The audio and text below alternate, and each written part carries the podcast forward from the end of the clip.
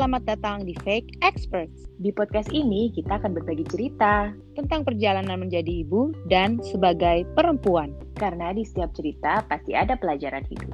Gue Tanti, Dan gue Medina, selamat mendengarkan.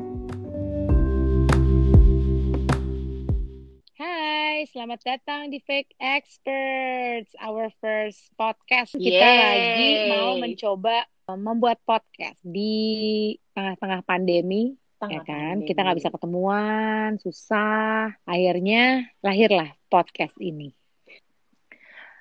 Lu apa kabar Tan selama pandemi ini? Kabar baik lah. Em, seperti biasa di rumah kayak gitu-gitu ya ngurusin anak sekolah, suami kerja Hmm. dari rumah, gitu-gitulah. Kalau lo apa kabar nih? Gue, eh, lo makannya banyak gak sih selama pandemi? Gue nggak terlalu sih. Enggak ya? Gue tuh ya, gue juga merasanya sih gak terlalu ya. Tapi pas gue coba celana gue ya, itu pada sempit semua Tan.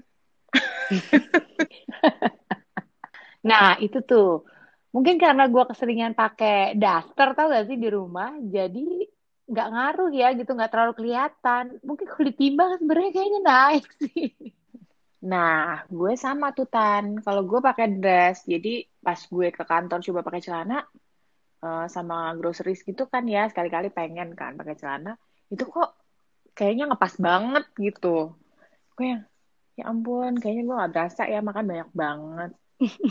Sebenarnya mungkin makannya sedikit-sedikit atau mungkin kebanyakan ngemil kali ya karena kayak di rumah terus terus kerjaan itu itu aja terus Kayaknya mencoba iya deh. menyenangkan diri bisa nggak sih Bisa jadi, bisa kan jadi. bahwa Karena kita kan harus kita juga, happy iya, itu juga pengen nyoba-nyoba eh, makanan juga kan. Karena kan sekarang banyak tuh yang online-online gitu kan. iya benar-benar benar banyak yang jualan ngebantuin teman lah atau Iya. pesan-pesan yang kita biasanya nggak pernah pesen gitu kayaknya menarik nih gitu kan Bener. Kayak di grup, itu kan banyak ya Nah, iya nawarin makanan gitu. Bener Apa namanya tuh. menarik banget. Nah, tapi lu tau gak sih yang makannya lebih parah di rumah gue? Itu Eh. adalah anak gue. Uh, Kalau lo? kalau gue tetap juaranya suami saya Suami gue juga sih kayaknya kalau di rumah ya. Pokoknya in between meals ya. Kayaknya jam 10. Terus yang jam 3 gitu kan, jam-jam lapar ya, habis lo Zoom meeting, ini itu segala macam udah mulai buka-buka apa kulkas.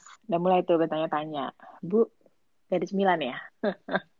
Iya, Cuma mungkin bener-bener. karena dia lebih cepet tuh masuk kantornya, maksudnya waktu bulan-bulan selesai PSBB kan juga udah lumayan sering kantor ya. Jadi gue nggak Hmm. terlalu kelihatan tuh. Nah sekarang anak-anak gue, aduh, Ya, tapi entah kenapa kalau gue, kalau anak itu emang sih suka minta makanan, ada ini nggak cemilannya apa, kok udah habis atau belum beli lagi atau gimana gitu ya.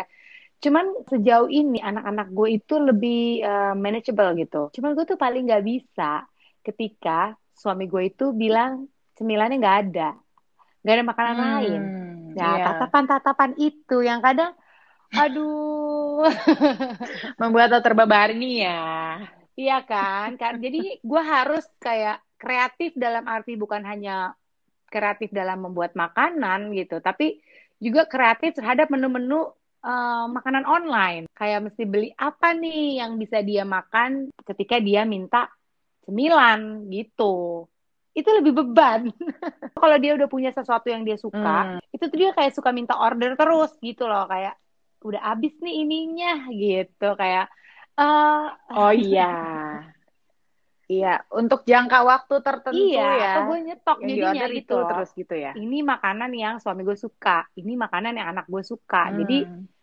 harus ada tuh stoknya gitu. Cuman yang paling danger ketika ya itu em, suami gue minta cemilan, terus nggak ada gitu, kayaknya guilty feeling gue kok lebih besar stok ya. menipis. Iya sih, gue juga sih. Kalau suami gue pas work from home kayaknya, aduh nggak ada cemilan buat dia. Lebih, kalau- mungkin kalau ke anak-anak kan kita bisa ngomong ya. Nah, Kamu kemarin udah kan? makan, kayaknya cemilan itu banyak banget Nah, ya, gitu. kan? Kadang Masih kita ngomong kayak gitu sama suami kayak ya kan?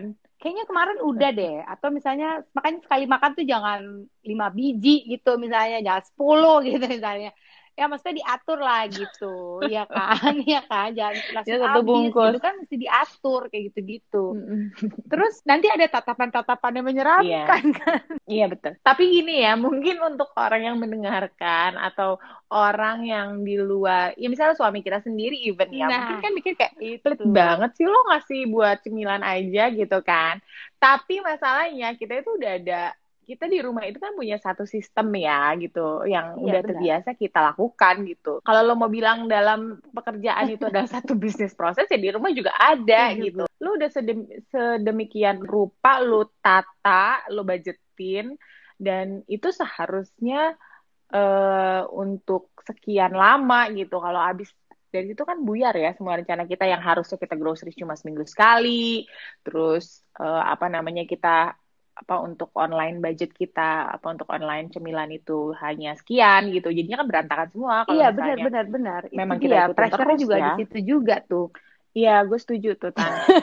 Jadi sebaiknya gimana dong? Apakah kita harus melanggar aturan gitu, membiarkan menyenangkan semua orang, atau kita harus tetap pada prinsip asik prinsip sistem yang udah kita buat sendiri gitu loh? Karena at the end of the day kita kayak terjebak dalam sistem kita sendiri gitu, kayak harusnya kan nggak kayak gini ya gitu. Tapi kita mau nggak mau untuk menyenangkan anggota keluarga gitu kan, jadi mau nggak mau deh budget lain harus ketarik nih ke makanan-makanan ini Iya. gitu kan. Bener.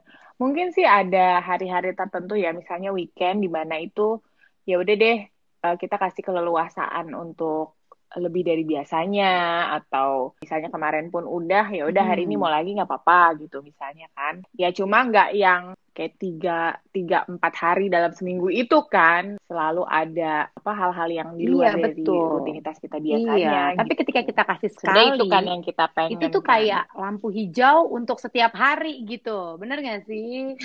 iya kan? Kayak kemarin udah, Nagih kemarin ya, Bu, ya. makan tiga, tiga, tiga hal yang berbeda. Di luar dari makanan utama ya. Kayak aku Iya. kemarin boleh ini itu. Sekali makan bisa apa aja. Misalkan let's say cake and then Iya. ice cream and then apa. Tapi hari lain besoknya kenapa aku nggak boleh? Iya. Jadi kayak serba salah ya gitu. Selalu dijelaskan tapi selalu tetap meminta. Gimana dong? Bener, gue setuju sih kalau itu ketika kita tidak konsisten dengan apa yang kita omongin sendiri dan jadwal yang udah kita bikin, anak-anak tuh cepet banget kan nangkep yang kayak gitu-gitu dan itu jadi kayak celah buat mereka untuk Betul. counter kita balik lah gitu kan bahwa Bumerang gitu. Jadi bumerang Eh, lagi buat namanya? kita gitu. Kita kasih yang bagus, eh feedbacknya kok nggak Iya. iya Tan, gue setuju tuh jadi bumerang banget ya. Intinya sih memang jadwalnya itu ya harus kita lakukan secara konsisten ya dalam hal apa pun ya buat mak- bukan makanan doang dan itu adalah sesuatu yang sebenarnya kita sendiri pun masih adaptasikan walaupun kita udah hampir setahun nih di rumah gitu tapi kan banyak kebiasaan-kebiasaan belum lagi pressure-nya ya kita Nah, kebanyakan di rumah ya. kan ya Ya, kadang juga mumet istilah ya kurang piknik gitu, itu terjadi sih sekarang. Emang kurang piknik, jadi banget, stres deh iya. jadinya. Maksudnya Bener. gimana ya gitu dalam mengatur makanan aja udah ribet gitu. Sementara kadang tergantung mood, kadang moody banget. oh iya Itu tuh mungkin memegang peranan penting juga gitu dalam keseharian gitu. Bagaimana kita start the day untuk hal kecil bahkan makanan aja tuh jadi ribet Iya. gitu. mungkin juga eh, kontrol freak sih kalau menurut gue jadi memang pengennya tuh ya udah sesuai yang gue sudah Iya, tapi kita nggak bisa gitu. saja gitu kan apalagi situasinya lagi kayak gini kan tapi gue kalau untuk di luar masalah makanan nih untuk sekolah sih gue udah nggak terlalu strict deh karena itu sendiri buat pressure kita Oh iya bener banget, bener banget. Gue juga kan? kalau masalah sekolah, jadinya ya sebenarnya balik lagi ke ekspektasi sih. Kalau setiap orang tua pasti kan pengennya semua anak yang terbaik buat anak, buat suami dan keluarga gitu kan. Kayaknya harus idealnya tuh begini, gini, gini.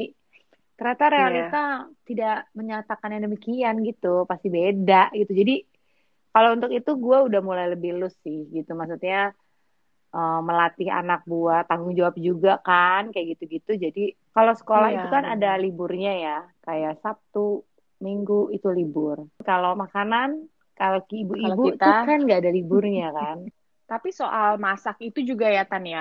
Kita kan masak paling enggak itu dua kali sehari kan. Dan itu juga stressful sih menurut gue. Kalau misalnya memang tujuh hari itu kita lakukan. Jadi Sabtu atau Minggu itu kalau gue pribadi sih gue luangkan untuk ya itu tadi yang pesan-pesan online atau lagi mau delivery apa gitu makanan jadi gue nya juga nggak terlalu pressure untuk uh, masak terus iya gitu benar kan, juga sih hari gue juga seminggu.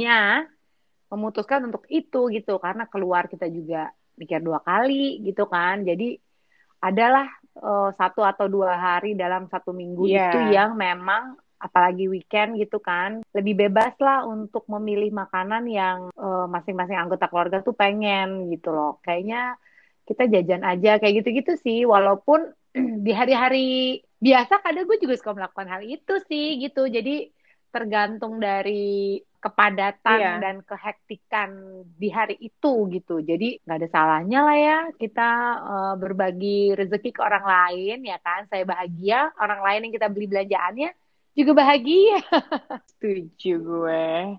Eh, satu hal lagi sih yang kelihatannya sih mungkin kecil, tapi itu berpengaruh banget sih selama pandemi ini berasa gitu.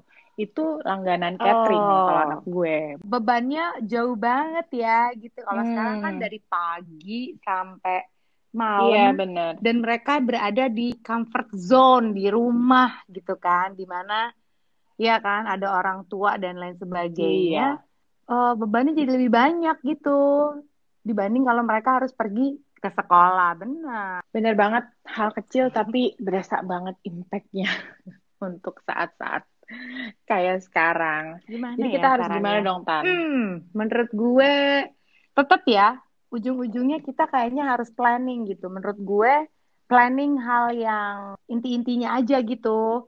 Walaupun nanti kan pada prosesnya ya tetap harus Iya, adaptasi kan planning dan konsisten kali ya. Jadi kita jangan sampai ada celah Benar, untuk kadang-kadang tega-tega nggak tega oleh gitu loh, kita. ya kan? Tega-tega nggak tega, kita harus um, Iya. konsisten gitu terhadap apa yang sudah kita tentukan. Jadi Tan, menurut familyeducation.com, kita harus memiliki rutinitas juga selama pandemi ini untuk makan yang baik gitu. Jadi eh, makan pagi, makan siang, makan malam itu harus on time dan juga harus bergizi. Sebenarnya snack itu juga penting katanya. Hanya saja snack yang kita pilih itu jangan snack-snack yang tidak memiliki gizi yang baik. Jadi kalau bisa makan snacknya itu buah-buahan sekali-kali. Atau kalau bisa lagi sayur-sayuran lebih baik lagi gitu. Nah, salah satu tip penting lainnya itu adalah kita harus memberikan aktivitas yang banyak kepada anak-anak kita, yang bermanfaat mungkin ya. Sehingga mereka tidak merasa bosan yang end up-nya snacking juga. Jadi sama ya, ternyata kita sebagai orang tua, sebagai orang dewasa sama anak-anak tuh kalau nggak ada kerjaan, ya kerjaannya jadi nyemil. Dia berarti kita bukan hanya plan aja. Planning itu penting, tapi menjadi fleksibel juga penting.